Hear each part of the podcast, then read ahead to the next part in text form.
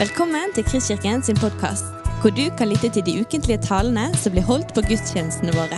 Vi håper denne podkasten vil inspirere og utfordre deg til å kjenne Gud, elske mennesker og tjene vår verden. Du, jeg går rett på sak. For uh, 17 år siden så eh, var jeg på et uh, flerdagerskurs i uh, regi av Ungdom i oppdrag. Alle deltakere var da en, eh, en del av en mindre samtalegruppe. Og i vår gruppe så var det en eh, ung dame som satt eh, veldig innelukket og innesluttet fra første minutt. Ingen øyekontakt.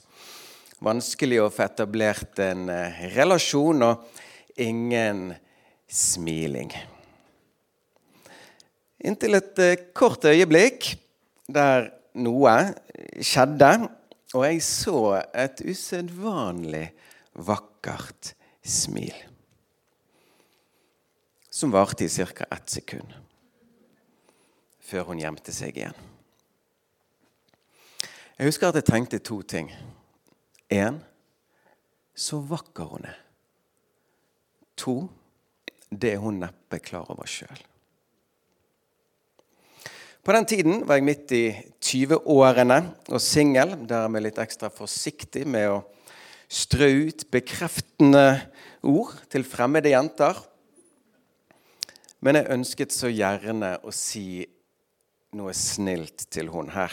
Og da vi møttes, møttes tilfeldig i gangen litt seinere den dagen, så sa jeg så varsomt som jeg klarte at noe sånn som dette at Forresten, du pleier ikke å si sånne ting. Jeg håper det er greit. og at jeg sier dette, og Det må jo ikke misforstås, for det er så lett at ting misforstås. og Spesielt sånn hvis det er gutt og jente, og du skjønner sikkert hva jeg mener, eller kanskje ikke, men iallfall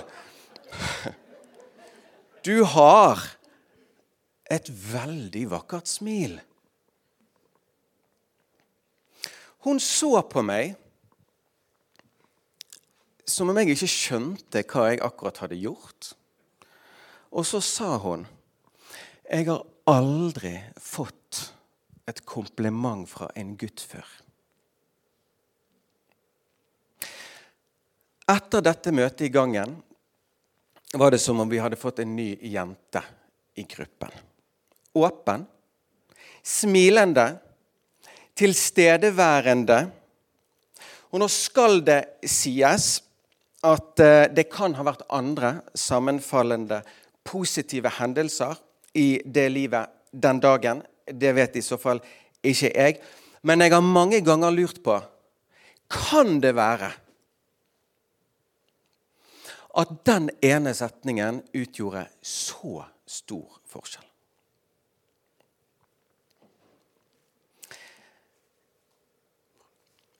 Historie to. Og dere får ha meg unnskyldt at jeg nå tar et ufint ord i bruk når jeg siterer. En 15 år gammel jente er akkurat ferdig på fotballtrening. Hun står og venter på at mammaen skal plukke henne opp. En ukjent gutt kommer syklende hennes vei i stor fart. Idet han skal til å passere henne, bråbremser han og skrenser så grusen fyker bortover. Uten forvarsel kommer ordene denne jenten aldri skulle glemme. Jævlig stygg. Gutten ser på henne før han snur seg og sykler videre. Gutten forsvant. Det gjorde ikke ordene. I voksen alder forteller denne damen om hendelsen på nettsiden itro.no, og nesten alt av detaljer fra denne scenen har festet seg. Historie 3. Jesus kommer til byen Kapernaum i Nord-Israel. En romersk kaptein med 100 mann under seg kommer til ham. Han ber Jesus om å hjelpe hans tjener, som er lammet. Han er uten muskelstyrke og full av smerter. Da Jesus svarer at han skal komme og hjelpe, sier kaptein, du trenger jo ikke komme. Si bare et ord, så blir gutten frisk. Det skal skje deg som du har trodd, sier Jesus, og tjeneren helbredes i samme stund. Tungen har makt over død og liv, sier Skriften. Og jeg tror enhver av oss her inne kan frembringe denne type historier. Om hvordan tungen på grufullt vis har stukket som sverd. Men også om hvordan den på kraftfullt vis har helbredet og bygget opp. Dagens tema er tungen, for dagens tekst er Jakob 3, 1-12. Vi leser. Mine brødre, ikke mange av dere må bli lærere, for dere vet at vi skal få desto strengere dom. Og vi snubler alle i så mangt. Den som ikke snubler i tale, er en fullkommen mann, i stand til å holde hele legemet i tømme. Når vi legger bissel i munnen på hestene for at de skal lystre oss, så styrer vi også hele kroppen deres. Se også skipene, som er så store og drives av sterke vinder. De styres av et ganske lite ror dit hvor styrmannen vil. Slik er det også med tungen. Den er et lite lem, men taler likevel store ord. Se, en liten ild, hvor stor en skog den setter i brann. Også tungen er en ild. Som en verden av urettferdighet står tungen blant våre lemmer. Den smitter hele legemet og setter livshjulet i brann, og selv blir den satt i brann av helvete. For all natur, både hos villdyr og fugler, krypdyr og sjødyr, kan bli temmet, og er blitt temmet, av den menneskelige natur. Men tungen kan ikke noe menneske temme. Den er et ustyrlig onde full av dødelig gift. Med den velsigner vi Herren og Faderen, og med den forbanner vi menneskene som er skapt etter Guds bilde. Av samme munn går det ut velsignelse og forbannelse. Mine brødre, det må ikke være slik. En kilde La det vel ikke strømme fram både friskt vann og bittert vann av samme oppkomme. Mine brødre, kan vel et fikentre bære oliven, eller et vintre fiken? Like lite kan en salt kilde gi ferskt vann.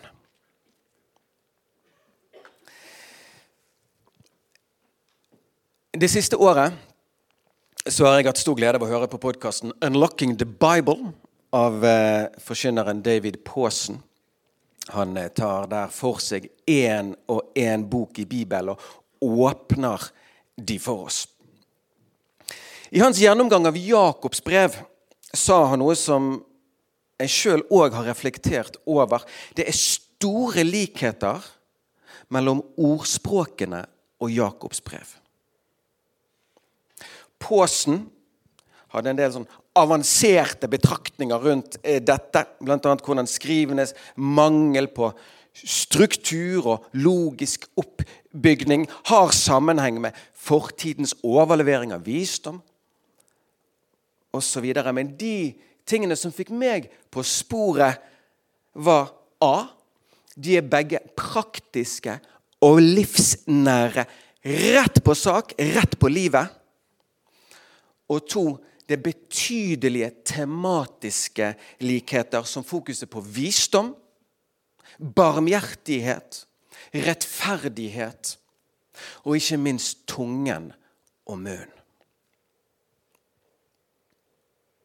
Og på dette feltet er både Salomo og Jakob veldig opptatt av å formidle tungens farer, men også dets positive kraft og muligheter. Tidlig i Jakobs sitt brev streifer han innom dette temaet. Da mest som en teaser før dette senere dypdykket. Der sier han kort at enhver må være sent til å tale. At vi må passe ekstra godt på hva vi sier når vi er sinte. Der røk jeg til i går. Når masse flytende såpe havnet i etter rørene våre. Jeg måtte be om tilgivelse på kveldstid. Før han sier at den som vil leve for Gud og med Gud, må søke å ha styring med tungen sin. Og Den dypere begrunnelsen for dette kommer i dagens tekst. Jeg har lyst til å begynne med, eller begynne, men jeg har lyst til å si til dere åpent at jeg, husker, jeg kan ikke huske sist gang at uh, en taletekst har virket så mye i meg og jobbet så mye med meg som denne har gjort. Den er så spisset og så orientert mot ett område i livet mitt. Siste uken har det føltes som at jeg har uh, levd med en arbeidslampe utenfor munnen.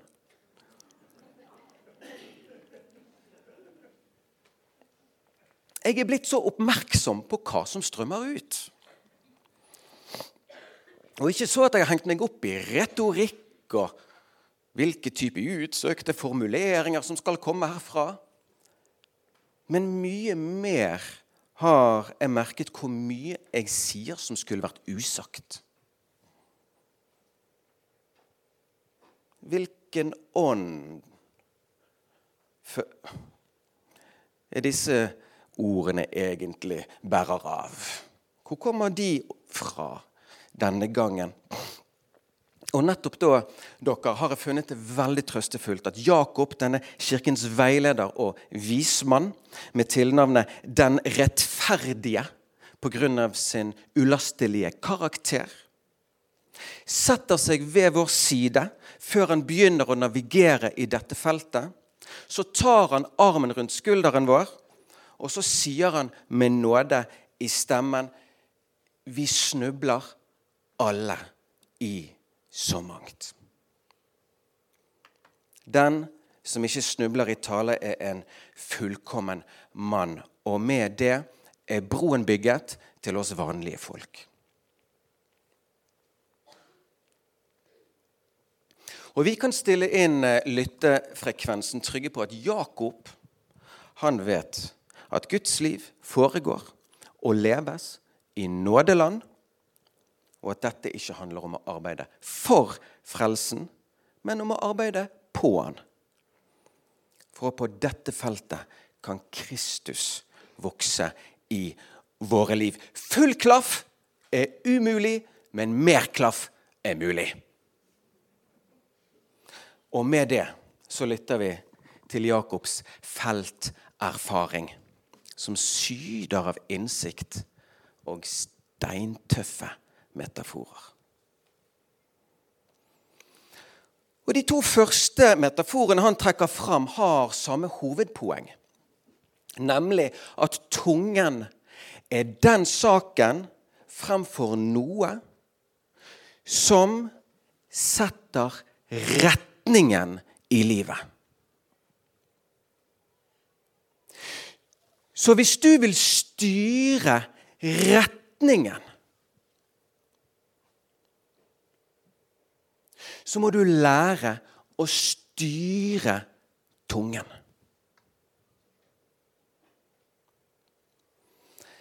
Har du håp om å styre en hest i en bestemt retning, da må du legge bissel i munnen på den først. I dette munnbittet av jern er det festet tømmer som du holder i, og så kan styre hesten med. Har du håp om å styre et skip i en bestemt retning, så må du gripe tak. Du må gripe tak i roret. Har du kontroll på roret, kan du styre båten. Og dere, I dette lys så gir det mening, dette som Jakob nevnte tidligere, og som kan høres altfor brutalt ut. Men han sier, og så står det i kapittel 1, at den som mener at han dyrker Gud og ikke holder sin tunge i tømme, men bedrar sitt eget hjerte, hans gudsdyrkelse er forgjeves.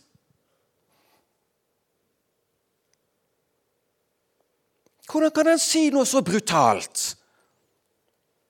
Jo, fordi at det å følge Kristus er et retningsvalg. Det er et veivalg.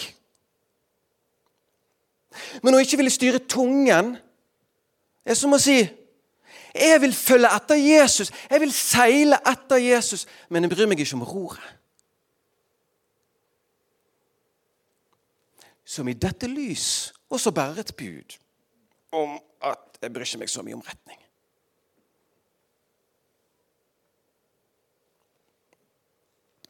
Så vi ser at Jakob starter ut med et enkelt og klart budskap. Vi må søke å få styring på det i våre liv som mer enn noe annet bestemmer retning.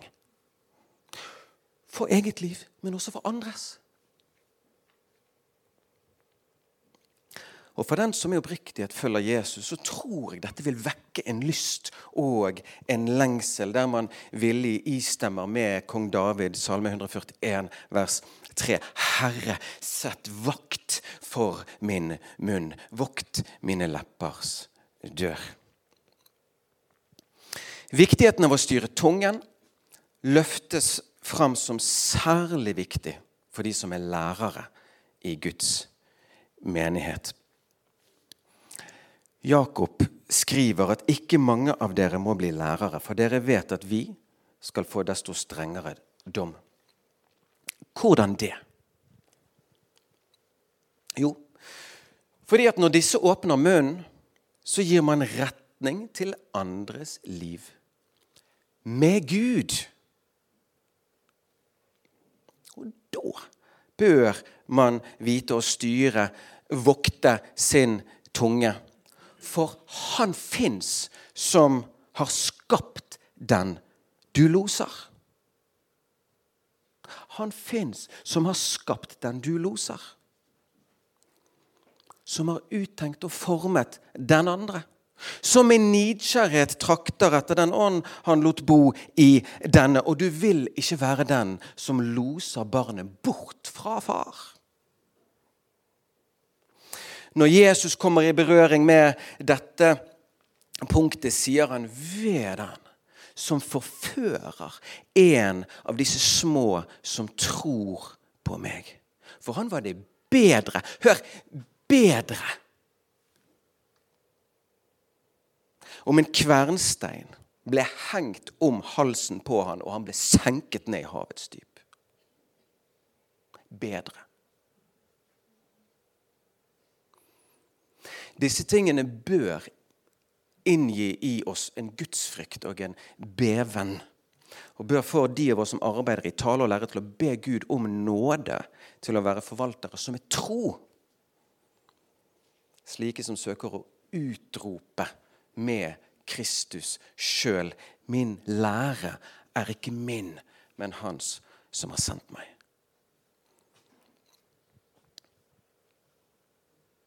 Kan være hardt arbeid. Kan være en tøff rute. Jakob er inne på at det er ikke for alle. For hvor utrolig mye lettere er det vel ikke å bare la roret få stå der og dreie seg etter vindene. Den neste metaforen Jakob trekker fram, ligner de forrige i den forstand at noe veldig lite kan være bestemmende for noe stort. Men denne gangen handler det ikke om tungen som gir retning, og som vi dermed må lære å styre. Denne gangen handler det om tungen og dens veldige påvirkning. Se, en liten ild, sier Jakob, hvor stor en skog den setter i brann. Også tungen er en ild. Det begynner som noe lite, men kan gjøre ufattelig stor skade. Jakob legger ingenting imellom her. Tungen er en ild, og sjøl blir han satt i brann av helvete. Enda en god grunn for å lære å styre den. Og Denne metaforen er det nok mange som slutter seg til, basert på erfaring man har gjennom livet. Fra arbeidsplassen der én tunge ødela et helt miljø. Fra storfamilien der én tunge ga brannsår til den ene etter den andre og ødela en slekt. Fra menigheten der én tunge forsuret så mye av det gode som også skjedde. Det er fascinerende. Jeg har tenkt på det mange ganger. Hvor noe så enkelt som klaging og misnøye er det som får begeret til å renne over for Gud når israelsfolket er på vei ut av Egypt. Noe så enkelt som det.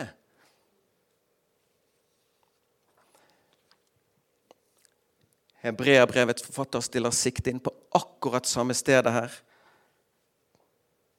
I det han skriver, la ingen bitter rot få vokse opp og volde skade, så mange blir smittet av den. Men at tungen er en ild, trenger ikke bare handle om hvor stort areal den kan brenne. Det kan også handle om hvor konsentrert den kan brenne. Brannsår handler ikke bare om mengde, men om dybde. Skriften taler til oss om djevelens brennende piler, som ofte kommer til oss gjennom andre mennesker, sånn som gutten på sykkel. Derfor Skriftens samtidige påminnelse om at vår kamp ikke er mot kjøtt og blod, for den kommer ofte til oss gjennom kjøtt og blod. Men tungen kan volde stor skade gjennom sin link til avgrunnen.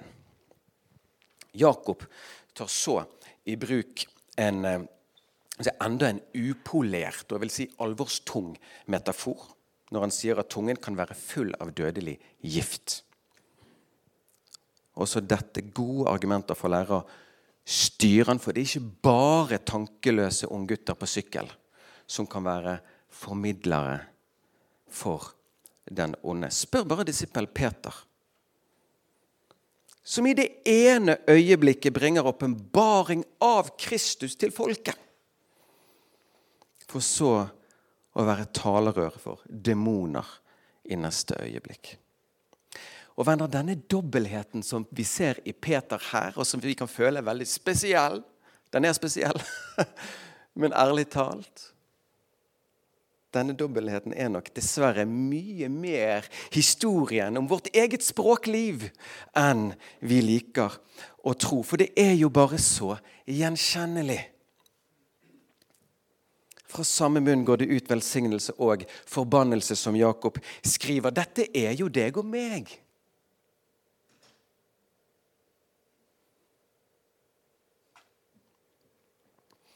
Og da kan man jo bli nedfor av Jakobs ytterligere ord om at mennesket har lykkes med temming av all natur, men aldri med temming av egen tunge. Eller er det akkurat her det ligger innlagt en genialitet fra Jakobs side i hans understreking av at intet menneske kan temme tungen.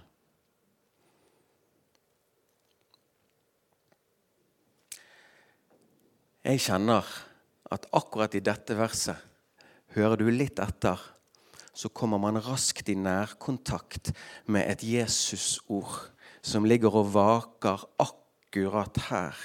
For mennesker er det umulig, men for Gud er alt mulig. Og det endrer jo mange ting. For én ting er hva den menneskelige natur kan klare, men det finnes jo guddommelig natur. Som attpåtil har tatt bolig i oss. Da er det håp. Ikke om full klaff på denne siden av døden, men om mer klaff. Men ok, Jakob. La oss være konkrete, dere. Hva kan og hva skal vi da gjøre i dette feltet? Hva kan vi gjøre for å ta steg og grep? Ja, lære mer om og styre tungen vår. Her finnes mange, mange svar, og de finnes på ulike nivåer. La meg få frembringe to av dem vel vitende om at det utelates veldig mye mer enn det nå frembæres. Men de to er begge hektet på bønner bedt av kong David. Den første har jeg alt nevnt. Salme 141 vers 3. Herre, sett vakt for min munn, vokt mine leppers dør. Når jeg var i militæret i Indre Troms, måtte vi alle bytte på å stå i vakten, som det het. Vår leir var på en liten holme med en bro da var vakten et kontrollpunkt. Og gjennom livet vil Gud bygge inn sånne kontrollpunkter eller sjekkpunkter i oss som ordene våre instinktivt skal sluses gjennom eller filtreres gjennom idet de er på vei ut av leiren. For et av Jakobs hovedanliggende i brevet er utvilsomt å ta et oppgjør med det ustyrlige ved tungen, det ukritiske, det Salomo et sted omtaler som det åpenmunnede. Fri flyt. For det er ikke sånn at så lenge noe er kommet opp i meg, så skal det ut av meg. Det er ikke sånn i Guds rike at størst av alt er åpenheten.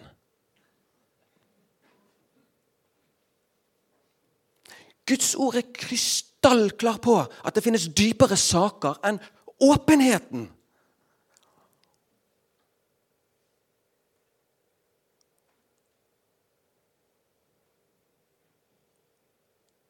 Ja, men jeg må jo si det som er sant. Selvsagt skal alt du sier, være sant, men du trenger jo ikke si alt som er sant. Det er her styringen kommer inn. Et ord som selvbeherskelse kommer inn. Et ord som avholdenhet kommer inn. Et ord som kjærlighet kommer inn. Et ord som visdom kommer inn. Og Det kjennes som en hovedsak for Jakob at vi utvikler på dette feltet. Nemlig et filter. Et filter på feltet. Et filter i møte med åpenhetstrangen kan være noe så enkelt som dette. Er det godt for den andre å høre det jeg nå ønsker å si? Det er et sjekkpunkt. En ting er godt, hva som er godt for meg å si. En annen ting er hva som er godt for den andre å høre. Kjærlighetens ånd ønsker at vi skal navigere mer og mer i tråd med det siste. Filter og sjekkpunkter for å nevne en annen ting, er også i høyeste grad viktig når det kommer til negativ omtale av andre. For en tid tilbake hørte jeg at forkynneren John Wesley hadde følgende definisjon på baktaling. Baktaling er å tale negativt om andre uten at det er nødvendig.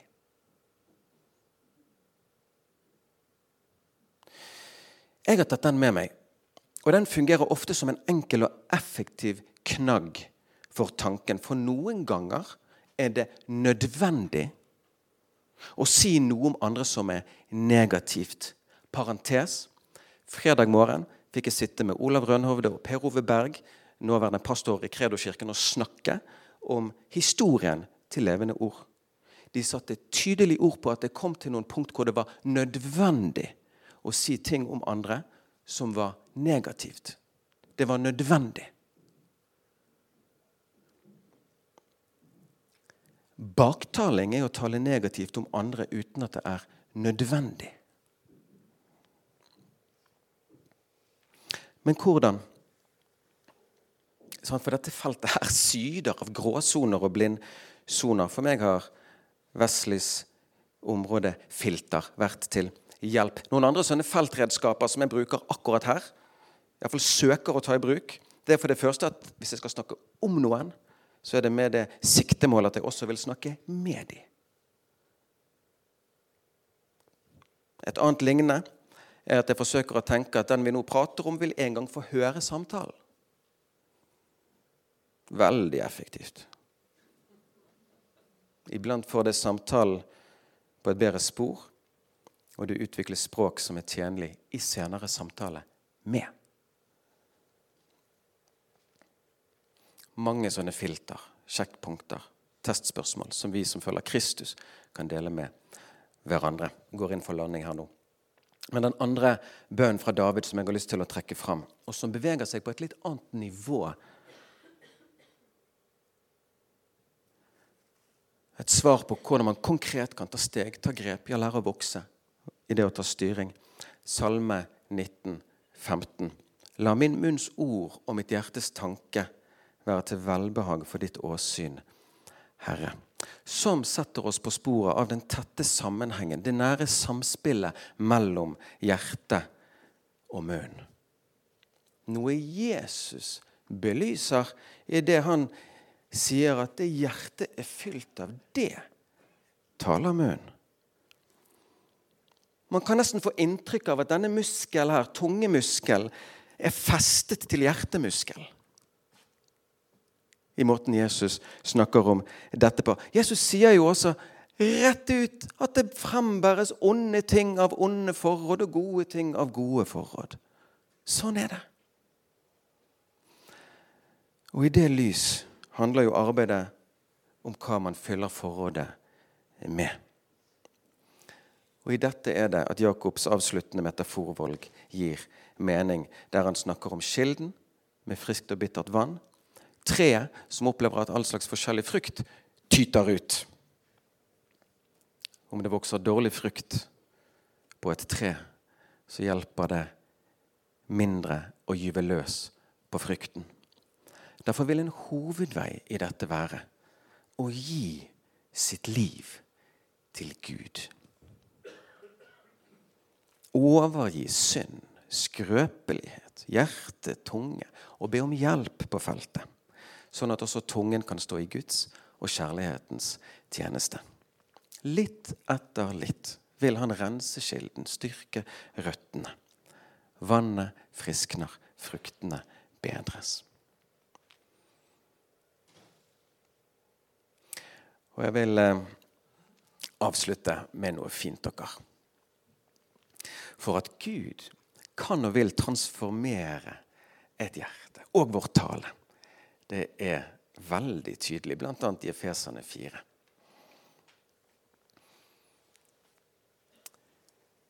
Der vi først leser om tyvens reise etter et møte med Guds frelsende nåde. Tyvens reise fra minus til pluss.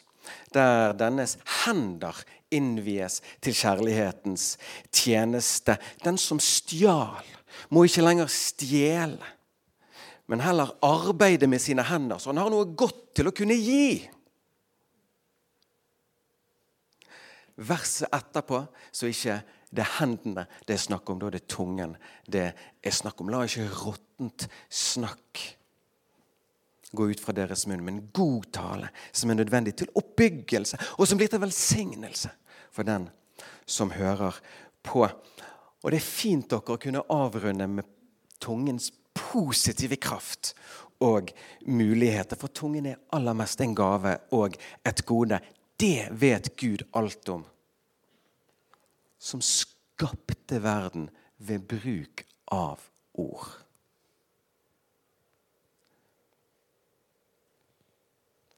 Så tungen er ikke bare dødelig, den er òg livgivende. Den er ikke bare et ustyrlig onde. Den kan løfte opp, den kan forvandle et måltid. Den kan forvandle en relasjon. et hjem, et miljø, et liv. Den kan styrke selvbildet til en ung jente på et UiO-kurs. Den kan helbrede kroppen til en paralysert mann. Derfor er det så mye kamp om han, og derfor er det Jakob taler så mye, og så gjerne om han.